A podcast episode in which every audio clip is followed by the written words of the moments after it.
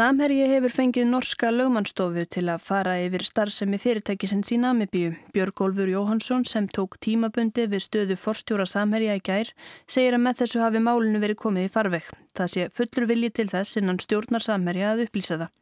Björgólfur segist að hafa spurt Þorstin Má Baldvinsson sem hefur vikið tímabundið úr forstjórastólnum hvort hann hafi greitt mútur.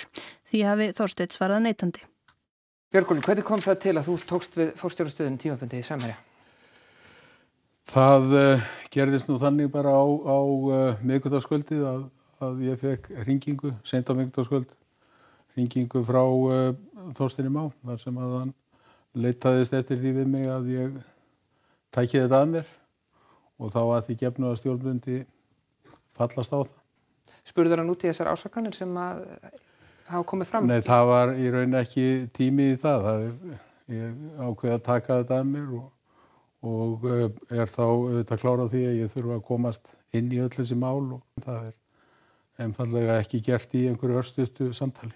Félagið hefur ráðið um, lagmannstofu ellenda til þess að fara yfir þetta mál og ég held að það sé mikilvægt að, að við séum ekki að velta fyrir okkur þessu máli og, og ákveðnum atriðum úr því. Eh, Hversun ekki? Já, ég, ég lít bara á það sem svona að menn séu þó að spekulera um um atriði. Þessi lögmannstofa er að vinna þessa vinnu. Uh, við viljum að það sé að hún reyna að hraða því eins og kostur er og sjálfsögðum eins og félagið þegar að niðurstöður og því koma fara yfir það á, á, á um, vettfangi fjölmila og, og, og þannig að það sé rætt um það við almenning. En verður fyrirtæki ekki að svara fyrir, er ekki eðlilega krafa fyrirtæki svara undir eins fyrir þessar alveg ásakanir? Það er bara mjög mikilvægt í svona máli þegar það er búið að leggja upp atriði eins og það lítur út í þættinu kveik. Uh, það er mjög mikilvægt að fá utanakomandi aðila til þess að fara yfir málinn og sína fram á hvernig uh, þessi hlutir gerðust allir. Þetta er í farvegi. Veistu hvort að þessi lögmannstof hefur unnið fyrir samhæri áður? Ég veit það ekki. En þetta er alltfjörlega lögmannstofa og fyrirtæki sem vil vera trúverðugt. Þá para þau ekki að, að setja fram skýslu sem að þau telja ekki rétta. En er ekkit skrítið að fyrirtækið ætli sér bara að rannsaka sig Nei, sjálft? Nei, það er óskup eðlilega. Fyrirtækið er ekki að rannsaka sig sjálft. Fyrirtæki, stjórn fyrirtæki sem vill fá niðurstöð í málið. Þannig að það er eðlilegt að fyrirtækið fái aðila utanakomandi til þess að fjalla og skoða þetta mál. Eh, það er ljóst að, að það geta aðrar óbæra stofnarnir verið að skoða þetta mál. Eh, yfirvöld, hvort sem eru skatta yfirvöld og eða sérstaklega saksóknari. Þeir munu að sjálfsögðu vinna sína vinnu og fá alla þá aðstóð sem að þeir telja sér þurfa frá félaginu. Eh, ég minna að þetta er stort fyrirtæki og uh, það er ekkit óeilegt að, að það komi upp ímsatriði sem að, að kunna að vera ekki alveg í, í samræmi við uh, ítrystu tólkunlaga. Uh, það gerist bara hjá öllum fyrirtækjum en, en, en auðvitað er þetta ef að, ef að hafa verið einhver svona starfsemi sem að hefur verið líst að þá er það það sem það þarf að koma í vekk fyrir. Ég lagi vil vera trúverðugt og, og, og ég tel að það sé það og, og, og þarf að vera það áfram. Hefur þú spurt Þorstein Má hvort að hann hafi tekið þátt í að greiða mútur? Já. Og hvernig svaraði hann því? Nei. Hann svaraði því nei? Já, já. já. Það er óskapið hann allt. Trúur hann? Já, að sjálfsögðu. Sjálfsögðu.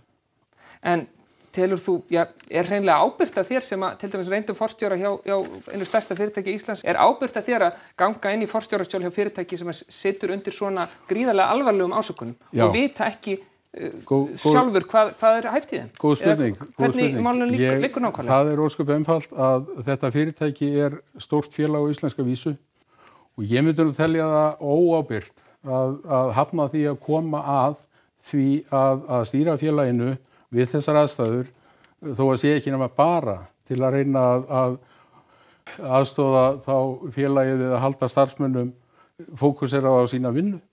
Eh, það er alveg ljóst að þetta raskar ímsu og eh, það er mjög mikilvægt að koma því og góðan farveg starfsemi félagsins. Eh, Þorstein Már hefur vikið viki núna tímabundi. Það eru aðri starfsemi fyrirtæki sem hátt settir sem að tengja streksturinnum í Navimbíu. Hver er mm -hmm. þeirra staða? Uh, ég er bara ekki komið þá langtíminni vinn að geta svara þessari spurningum. Hvernig ætlar að fara í það mál? Að, að kanna það? Eins og ég sagði, ég byrjaði í gerðmorgun, ég er að vinna og að reyna að átta mig á málinu, þannig að, að, að sjálfsögðu þarf ég að velta því fyrir mér og, og skoða. En ef það kemur í ljós að það hafi verið greitar mútur, hvað þá? Hvað það er þá? mjög alvarlegt mál. Og hvað það mun þú þá gera ef það svo niðurstöð kemur hann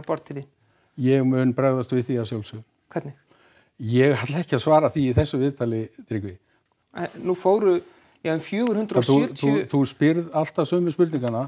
Ég er að segja það að málið er komið í farveg og þar til að það ge kemur upp að þá eh, erum við ekki að velta fyrir okkur einstökum atriðum úr þessu máli. Hvað finnst þið bóðlegt að, að þessi aðtúun lögmannstofuna norsku takja langan tíma? Mér, ég vil sjá hana gera sem fyrst.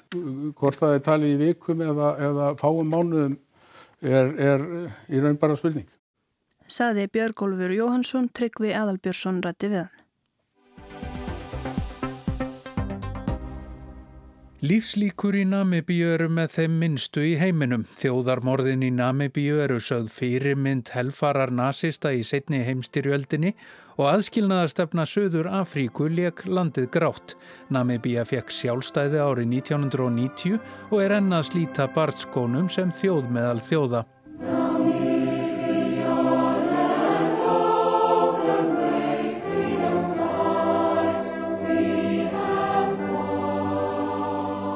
Namibíja landina hugrökku sem sigruðu í sjálfstæði stríðinu. Þjóðsöngurinn var tekin upp 1991 eftir sigur í sjálfstæði stríðinu gegn Suður Afríku. Áður höfðu þjóðsöngar landsins verið á Þísku og fjallað um landið í Suðvestri.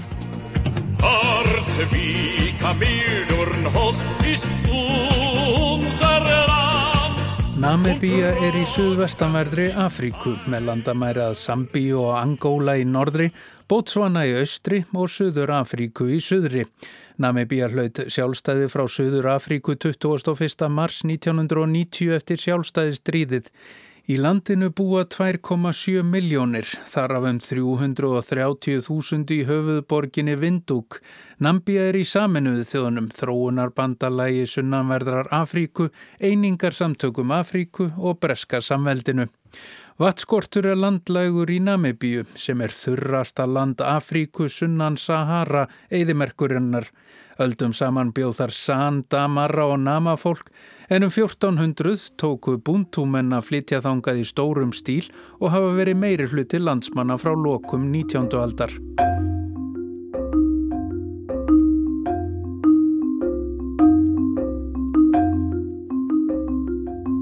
Árið 1878 lagði breska nýlendan á góðravonarhöfða undir sig Valvísflóa og Penguineyjar í núverandi Namibíu sem erðu hluti af Suður Afríku árið 1910. Árið 1884 stopnuðu þjóðverjar nýlenduna Suðvestur Afríku á megnuna af því landsvæði sem nú tilheyri Namibíu. Stjórn þeirra var alræmd á árunum 1904 til 1908 með þjóðarmorði á Herero og Nama fólkinu. Þetta hefur verið kallað fyrsta þjóðarmorð 20. aldarinnar. Þjóðverjar drápu 10.000 nama eða helming þjóðflokksins og um 65.000 Herero-menn eða um 80% þeirra. Framferði þjóðverja var einstaklega ómannúðlegt og sumir sakfræðingar hafa sagt að þjóðarmorðin í Namibíu hafi verið fyrirmyndin að helfur nazista í setni heimstyrjöldinni. Yfiráðum þjóðverja í Namibíu lauk 1915 með sigri herdeilda frá Suður Afríku. Árið 1920 veitti þjóðarbandalagið Suður Afríku umboð til að stjórna nýlendunni.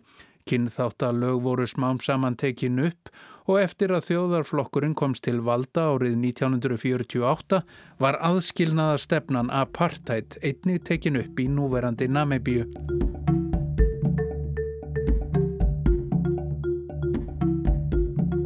Síðari hluti 20. aldar einkendist af sjálfstæðisbaráttu innfætra sem var til þess að saminuðu þjóðirna tóku ábyrð á svæðinu árið 1966 þótt Suður Afrika færi áfram með raunverulega stjórn á svæðinu. Saminuðu þjóðirnar álíktuð árið 1968 að nafn landsinn skildi vera Namibíja í samræmi við vilja þjóðarinnar og ári síðar álíktuðu samtökin að stjórn Suður Afríku og hersetta þeirra í Namibíu væri ólögleg. Árið 1973 viðukendu saminuðu þjóðunar South West Africa People's Organization eða SWAPO sem opimberan fulltrúa namibísku þjóðarinnar. Undir fóristu SWAPO helt skærulega hernaður og sjálfstæðisbaráta áfram með stuðningi frá Sovjetríkjónum og bandalagsríkja þeirra en Suður Afrika naut aðstóðar frá vesturveldunum. Stuðningur við Suður Afríku meðal alþjóða samfélagsins fór stöðugt þverrandi og Namibíja fekk að lokum fullt sjálfstæði frá Suður Afríku árið 1990 eftir harða baráttu. 97% kostningabæra kusu í fyrstu kostningum Namibíu og Svapo fekk 57% atkveða og reynan meiri hluta á þingi. Svapo hefur fengið meiri hluta í öllum kostningum frá sjálfstæði.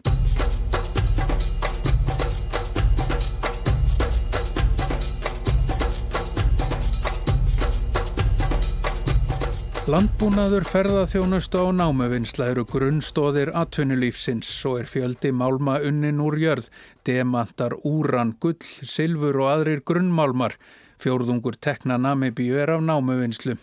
Næri 20% vinnandi fólks starfar í ferðaþjónustu sem skapar 15% þjóðartekna. Helmingur þjóðarinnar hefur lífsviður væri sitt af landbúnaði en stæstu jarðirnar eru enni í höndum kvítra landeganda frá fornu fari. Namíb Eidimörkin sem landið dregur napsitt af næri yfir stóran hluta Namibíu og því er landið eitt það strjálbílasta í veröldinni. Atvinnuleysi er útbreytt og er næri þriðjungur landsmanna án vinnu. Bilið á milli ríkra og fátækra er mikill. Ríkustu 10% landsins fá yfir helming þjóðartekna en 18% þjóðarinnar er undir hungurmörkum. Enska er opimbert tungumál sem notaður í skólum og stjórnsýslu þótt einungis 3% þjóðarinnar tali hana innan vekja heimilisins. Mikill meiri hluti þjóðarinnar er kristinartrúar eða á milli 80 og 90%. Langflestir þeirra eru mótmælandatrúar. Samkynneið er bönnuð í Namibíu og misrétti í garð hins eginn fólks útbreytti í landinu. Sangvænt nýleru könnun hefur þriðjungur kvenna orðið að þóla ofbeldi af hendi maka og sama könnun leiðir í ljós að 30% karla telja í lægi að beita konu sína líkamlegu ofbeldi. Vattskortur er landlaugur og í 300 skólum landsins er engin klósett aðstæða með rennandi vatni. Helmingur barnadauða er rækinn til skorts á vatni og reynlæti. Fjórðung barnadauðans má rekja til niðugangs. Klósett eru sjálfséður munaður og aðeins á færi þeirra efnameiri. Lífslíkur í Namibíu eru með því minsta sem gerist í heiminum.